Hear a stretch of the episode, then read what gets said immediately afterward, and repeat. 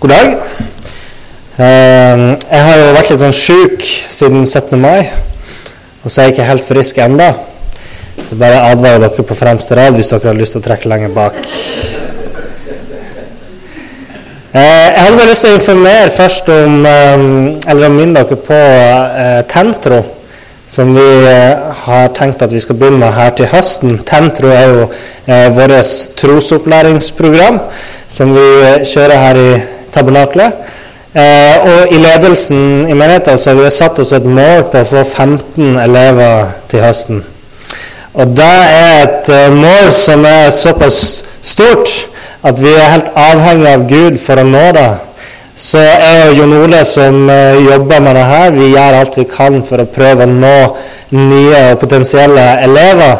Men vi trenger òg at dere i menigheten er med og ber for akkurat det. For det her er misjon her i Øyer. Så, så vær med og be for det.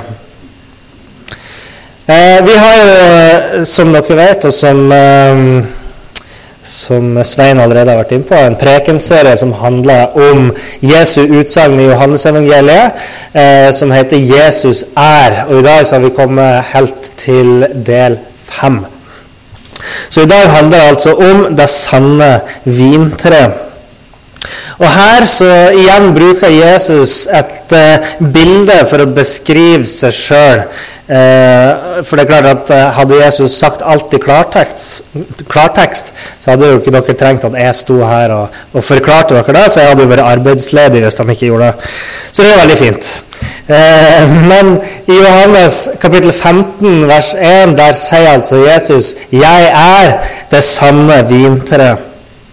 Jeg vet ikke om det er noen av dere som har sett et vintre noen gang, eller en vinranke. Det er noen av dere som har det? Ja. ja. Eh, da vet dere jo at det vokser jo ikke vin på treet, så det er liksom morsomt at de har kalt det at det ikke heter druetre, f.eks. Det er jo det som faktisk vokser på det. Eh, I tillegg til vin så gir jo eh, vintreet oss eh, den der tingen som besteforeldre bruker å gi til barnebarna sine i godteskåla på lørdagene, altså rosiner. Sånn som alle småbarn hater å få i godteskåla si, med andre ord. Og så sier besteforeldrene ja, men det her er jo naturens godteri. ja, ja. Jeg ser det er ikke alle som har den erfaringa som jeg har. Men nok om det. Eh, vi leser igjen eh, fra eh, Johannes 15, vers 1-8. Selv om vi har lest det eh, i stad, så har vi ikke vondt av å lese det igjen. Jeg er det sanne vintreet, og min far er vinbonden. Hver grein på meg som ikke bærer frukt, tar han bort, og hver grein som bærer frukt, renser han så den skal bære mer. Dere er alt rene på grunn av det ordet jeg har talt til dere. Bli i meg, så blir jeg i dere. Slik som greinen ikke kan bære frukt av seg selv, men bare hvis den blir på vintreet, slik kan heller ikke dere bære frukt hvis dere ikke blir i meg. Jeg er vintreet, dere er greinene. Den som blir i meg og jeg i ham, bærer mye frukt. For uten meg kan dere ingenting gjøre. Den som ikke blir i meg, blir kastet, kastet utenfor som en grein og visner. Og greinene blir samlet sammen og kastet på ilden, og de brenner. Hvis dere blir i meg, og mine ord blir i dere, be da om hva dere vil, og dere skal få det. For ved dette blir min far æret, at dere bærer mye frukt og blir mine disipler. Vi stopper der foreløpig. Eh, mitt første punkt handler om fellesskap med Jesus. Og Det er nettopp fordi at denne teksten først og fremst handler om fellesskap mellom oss mennesker og Jesus. Eh, dere kan ta det neste bildet, Rolf. Eh, og Det er tre på en måte personer som nevnes i denne teksten, eller tre aktører. da. Eh, det er Gud Fader, det er Jesus, og det er oss mennesker. Eh, og Jesus han starter med å si noen ting eh, om forholdet mellom se og Gud. Jesus sier at han er vintreet, mens far er vinbonden. Eh, og vinbonden sant, han er jo den som planter treet, og som steller treet. ikke sant? Og vi menneskene, vi er greinene på treet. Så det mønsteret vi ser her, da, det at Gud har sendt sin sønn til verden. ikke sant? Vinbonden planta treet. Og Jesus han har kalt oss til å ha fellesskap med han og bli hans disipler, så vi er greinene på det treet. Da kan vi ta neste bilde, Rolf.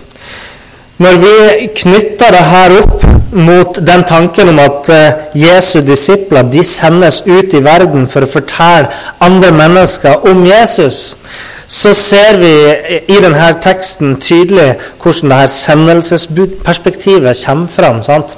Sånn som vi ser det her. Gud sender Jesus til verden. Jesus sender mennesker videre ut i verden.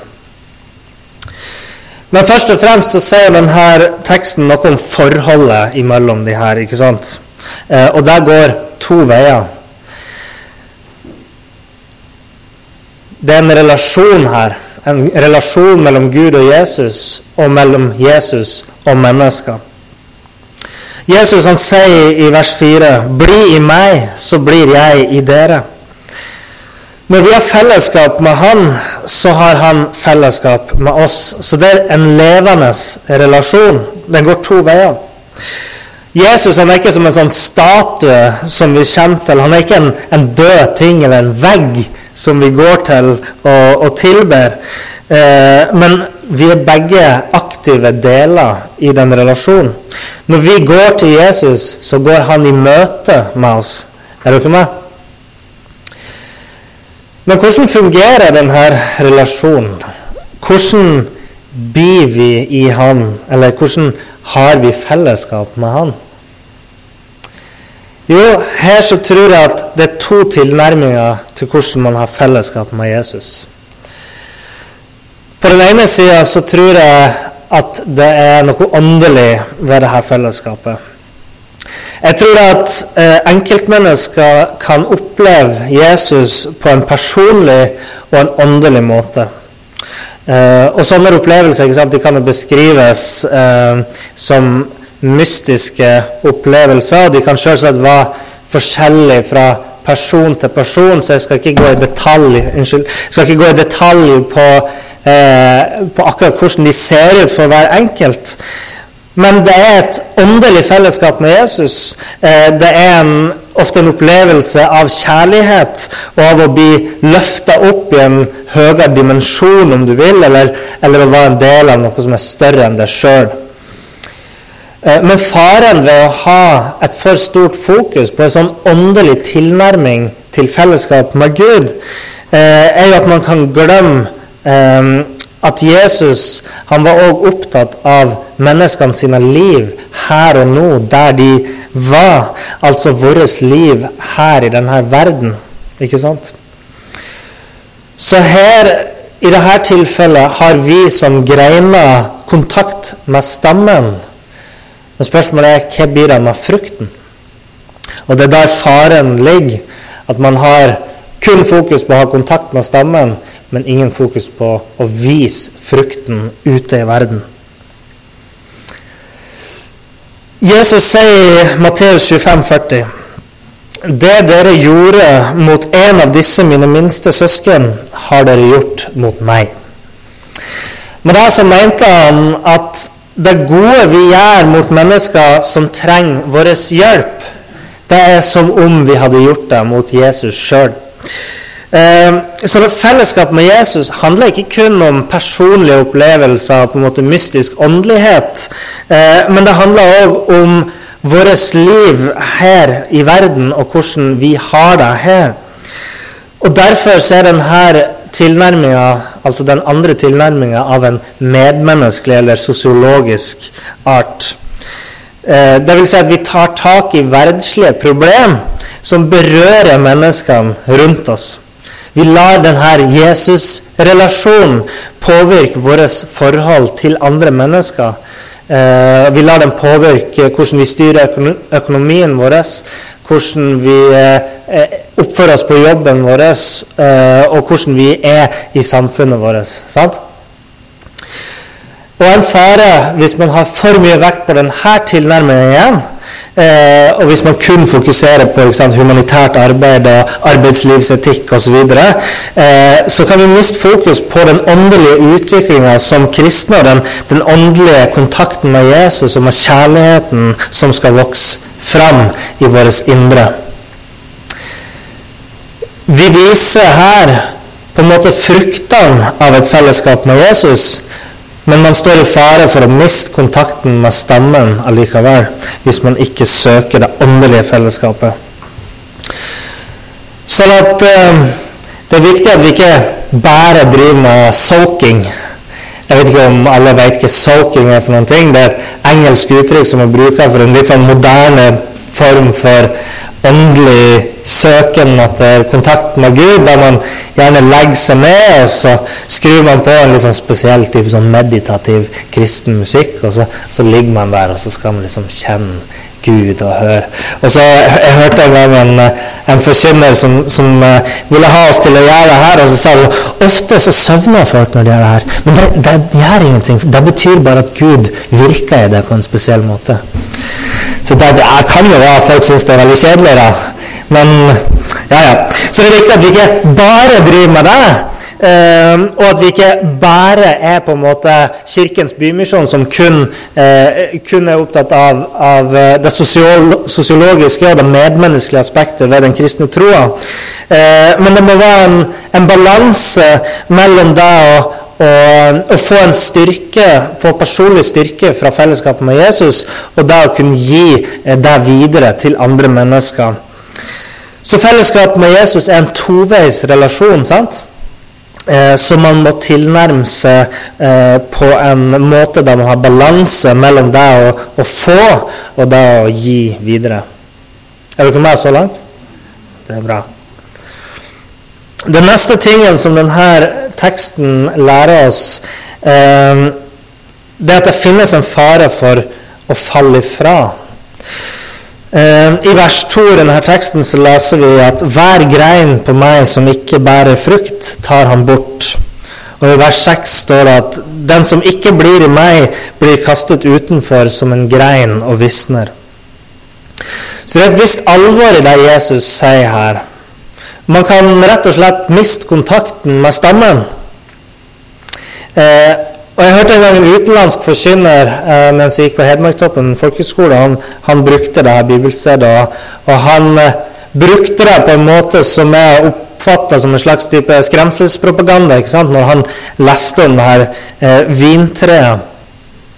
Men selv om det som står her, er, er alvorlig og sant, så tror jeg ikke at det skal brukes til å skremme oss. Eh, sannheten er jo at eh, den som er i et fellesskap, i alle typer fellesskap, alle typer relasjoner, der er det et fare for at det kan bli et brudd i den relasjonen. Eh, eh, og, og, det samme gjelder i relasjon med Jesus. Det betyr ikke at vi skal gå rundt med angst i forhold til alle vennskap vi har, og frykte at kanskje i dag så har jeg ikke en venn i den personen som var bestevennen min i går. Vi skal ikke gå og være redd for, for det her bruddet som kan skje, så lenge vi ønsker den relasjonen. Og Jesus han sier eh, i vers 10.: Hvis dere holder mine bud, blir dere i min kjærlighet. Eh, og han er nevnte som brukte dette bibelstedet for, for å liksom skremme oss litt til å holde oss på riktig sti. Eh, han leste nok det her på en litt sånn lovisk måte.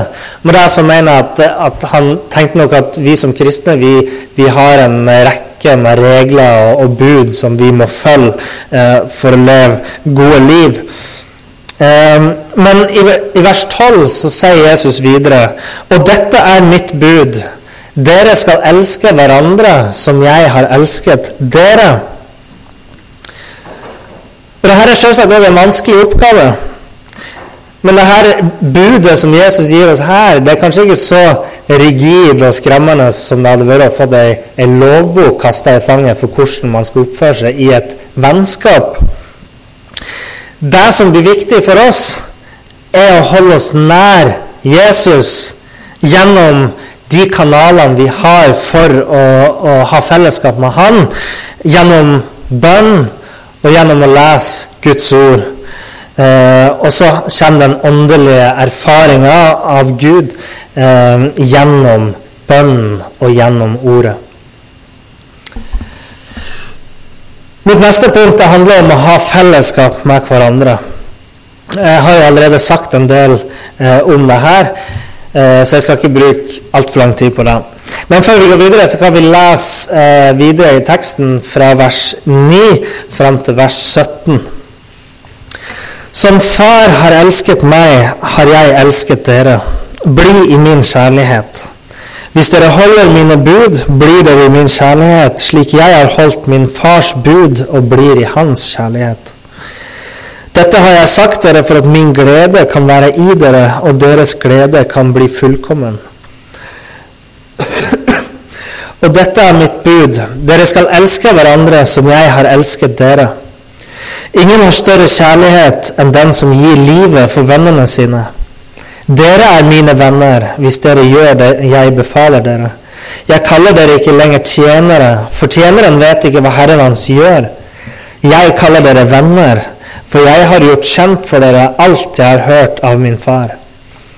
Dere har ikke utvalgt meg, men jeg har utvalgt dere og satt dere til å gå ut og bære frukt, en frukt som varer. Da skal Far gi dere alt dere ber om i mitt navn. Dette er mitt bud til dere. Elsk hverandre. Og som jeg sa innledningsvis, så er det jo tre aktører i denne teksten. Eh, Gud Fader, Jesus og oss mennesker. Eh, og vi ser tydelig her at det Jesus sier, det er at kjærligheten binder oss sammen. Som min far har elska meg, sånn elsker jeg dere. Og til slutt så sier han 'elsk hverandre'. Så det som er eh, en fellesbetegnelse for alle her relasjonene, det er kjærligheten. Og da er vi igjen eh, eh, inne på det med at fellesskap innebærer òg fellesskap med hverandre. Jesus sier at han, han, elsker oss, men han ber oss òg om å rette vår kjærlighet til våre medmennesker. sant? Så det her er jo på den medmenneskelige tilnærminga til fellesskap med Jesus, som er å vise medmenneskelighet til menneskene rundt oss. Det handler om å få fra Jesus og gi videre til vår neste. Er ikke med? Så vi mottar kjærlighet fra Jesus, sånn at vi kan gi kjærlighet videre til andre mennesker. Og da sier folk åh, det var litt godt med litt kjærlighet. Sant? Ehm, og vi skal få lov til å oppleve en fullkommen glede, sånn som det står i vers 11 her. Dette har jeg sagt for at min glede kan være i dere, og deres glede kan bli fullkommen. Og det høres veldig fint ut. Litt glede har jo aldri skada noen, som de sier. Sant? Men denne gleden består ikke bare av sånn, eh, et sånn fint smil, sånn som jeg har. Men det, det, det går dypere enn det. Det går dypere enn å se yndlingsprogrammet ditt på TV eh, eller å, å høre yndlingskomikeren din på radioen. Denne gleden består i en visshet. At man vet en sannhet. Og det er vissheten om at Jesus har satt oss fri fra synden, det som holdt oss borte fra Gud. Det er en visshet om at uh, vi kan ha fellesskap med Gud gjennom Guds ånd. I dag så leser vi da at Jesus sier 'Jeg er vintreet, dere er greinene'. Den som blir i meg, og jeg i ham, bærer mye frukt. Så la oss til slutt bruke litt tid på å snakke om denne frukten. Du kan gå videre et hakk til. Der, ja.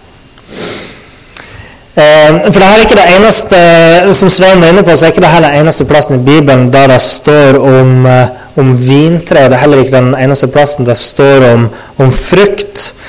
Og i Galaterbrevet 5,22 der skriver Paulus at åndens frukt er kjærlighet og glede. Og det her er nettopp de fruktene som Jesus velger å fremheve eh, i hans ord her. Og Jesus sier Jeg har utvalgt dere og satt dere til å gå ut og bære frukt, en frukt som varer.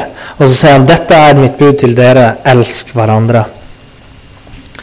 Uh, og Han sier da at uh, denne kjærligheten er en sånn kjærlighet der en venn er villig til å gi sitt liv for en annen venn.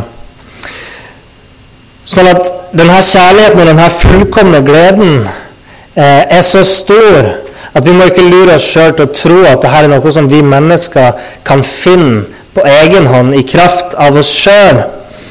Å ha en kjærlighet som er så stor at man vil gi sitt liv for en venn, eller å tro at vi har en fullkommen glede.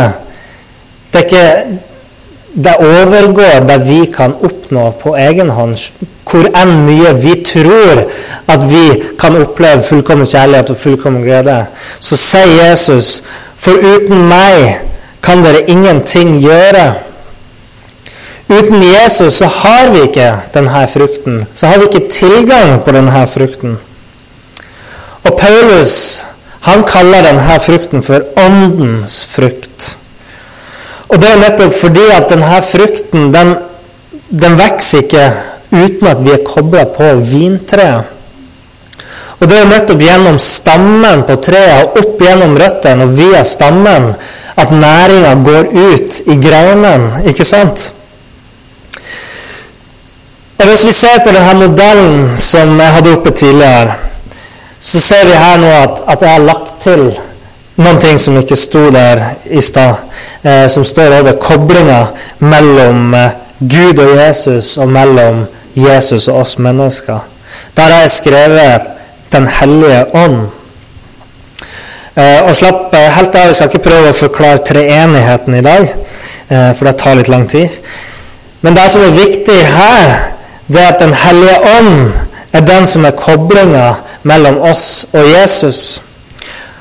Ånden er næringa som strømmer ut av stammen og ut i greinene. sant? Det er derfor Paulus sier at dette er åndens frukt. Gjennom ånden så kan vi bære fram den frukten som Jesus snakka om. Og det er ikke bare kjærlighet og glede som er frukt av uh, av Ånden. Men Paulus han fortsetter her i Galaterbrevet med ei hel liste med ting som kommer eh, som frukter av Den hellige ånd. Åndens frukt er kjærlighet og glede, sier han. Fred, overbærenhet, vennlighet, godhet, trofasthet, ydmykhet og selvbeherskelse.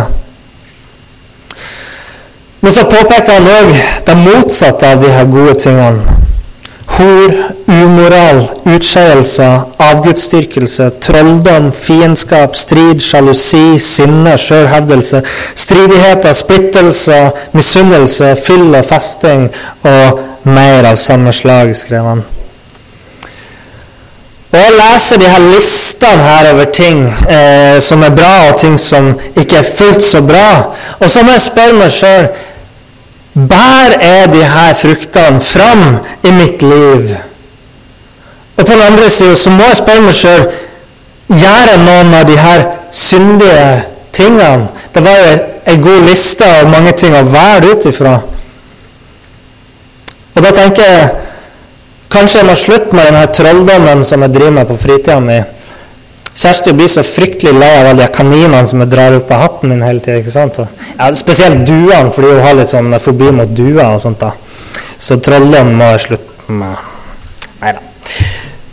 Men det er klart at denne teksten den utfordrer meg. For at jeg kan si ja. Jeg opplever å se noen av de her fruktene i mitt liv, men langt ifra nok.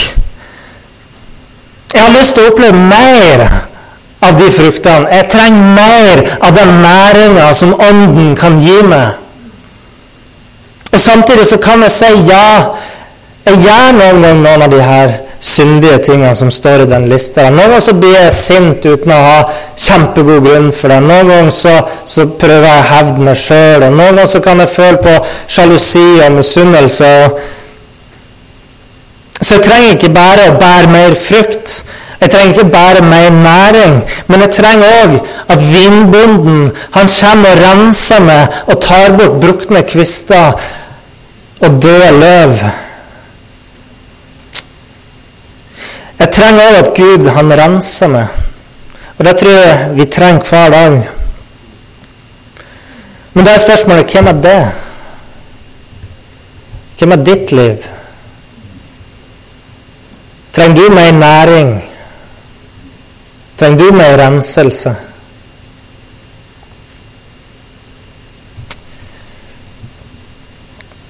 Og jeg tror at um, det er nød her i verden. Jeg tror at det er noen ting som haster her i verden. Og Den nøden består ikke bare i at vi skal greie å samle krefter til å ha en hyggekveld her i menigheten, eller å ha en 17. mai-arrangement i regi av tabernaklet. Nei, jeg tror at det er nød her i verden. Jeg tror det er en nød her i Øyer etter å nå nye mennesker for Jesus. Jeg tror det er nød her i menigheten etter å se levende vitner for Jesus.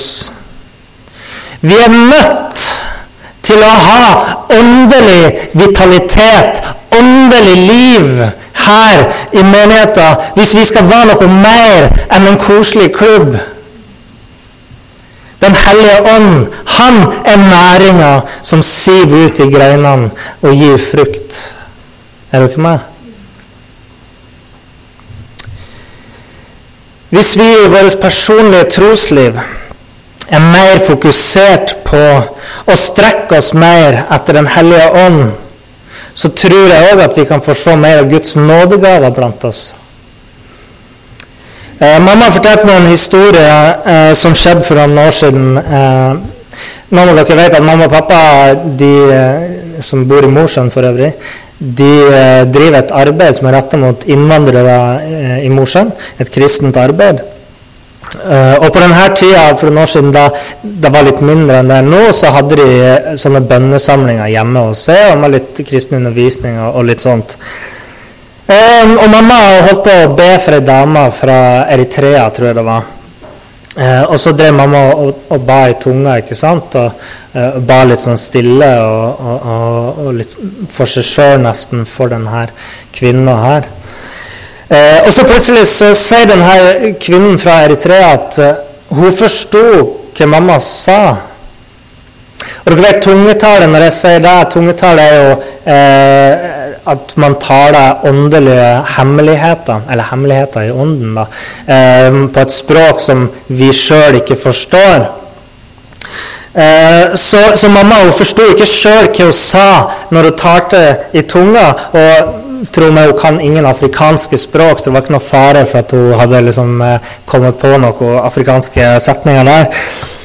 Men denne kvinna sa plutselig at, at hun forsto hva mamma sa når hun talte i tunga. Hun kunne forstå hva det betydde for noen ting. Og Det ble et utrolig sterkt og personlig møte med Gud for henne. Og for meg så er det her bare et sånn veldig tydelig vitnesbyrd om at Gud, han er virkelig. Fordi eh, Hvis det er noen av dere som har studert språk, så vet dere at språk er såpass avansert eh, at man kan ikke bare bable i vei og så tilfeldigvis si lange setninger som henger sammen og har mening på et helt annet språk som man ikke kan. De er såpass avansert at man, man, eh, man babler ikke bare, så ved et slumptreff så, så snakker man uh, afrikansk. Så det er et helt konkret, et helt håndfast tegn på hvordan Gud kan vise gjennom oss, og hvordan vi kan være disipler eh, i Jesus eh, og gjennom eh, Hans ånd. Jeg skal gå mot en avslutning her. Og I dag så har vi jo hørt at Jesus han er det sanne vintre. Han bruker dette bildet eh, om at han er treet, og Gud er vinbonden. Og vi er greinene, eh, og frukten eh, er gjennom Guds ånd. Og Det er for det første et bilde på fellesskap med Jesus. Det er en relasjon som vi kan tilnærme oss på to måter. Den ene er en åndelig tilnærming eh, gjennom både Guds ord og gjennom bønn. Og den andre er å være gode medmennesker for vår neste. Men her så gjelder det òg å finne en god balanse mellom de her to tilnær tilnærmingene. Mellom det å, å få gjennom Den hellige ånd, og gjennom det å gi til andre mennesker. Dette handler òg om å ha fellesskap med hverandre ved å dele den kjærligheten og den gleden eh, som vi får ut av vår relasjon med Jesus. Og til slutt så snakker vi om de fruktene som fellesskapet gir. Og Her nevnte det som Paulus sa, en rekke med positive personlighetstrekk. Sant? Sånn som f.eks. kjærlighet og glede. Men for å bære god frukt så må vi òg sørge for å hente næring fra stammen, samtidig som vi lar vinbonden rense oss og Det er et rikt bilde som Jesus bruker her for å beskrive seg sjøl, for å beskrive sitt forhold til oss. Og på samme måte som tidligere prekener i denne prekenserien, så ligger det et alvor i alt det her. Hvis Jesus er stammen, og vi er greinene, så betyr det at han er livsnødvendig for oss. Og det er et alvor når man bruker ordet nød. Men som jeg sa i stad, jeg tror at det er en nød i verden. Og den, jeg tror det er noen ting som ingen av oss kan greie seg uten. Jesus. Jesus. Og det er et utfordrende budskap for oss. Det er et utfordrende budskap for meg. Og kanskje opplever du at, at jeg treffer det i dag. Men da vil jeg at du skal ta deg med deg hjem og be over det. Eller hvis du lytter til oss på podkast, så kan du selvsagt gjøre det der du er nå med en gang. Men bare ikke la det bli en sånn ting som, som du på en måte lytter til og, og syns høres fint ut, som du bare nikker og, og sier ja og amen til. Og hvis du hører det for første gang, så ja, uansett, ta deg med deg hjem og gjør det virkelig. Si til Gud i kveld ja, gi meg mer næring. Ja, gi meg renselse. Sett meg fri. Si det til Gud i morgen.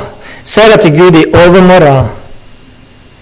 Og så vil du se i ditt liv og vi vil se her i menigheten, og øyet vil få se det her i bygda, at Jesus, han er levende. Amen.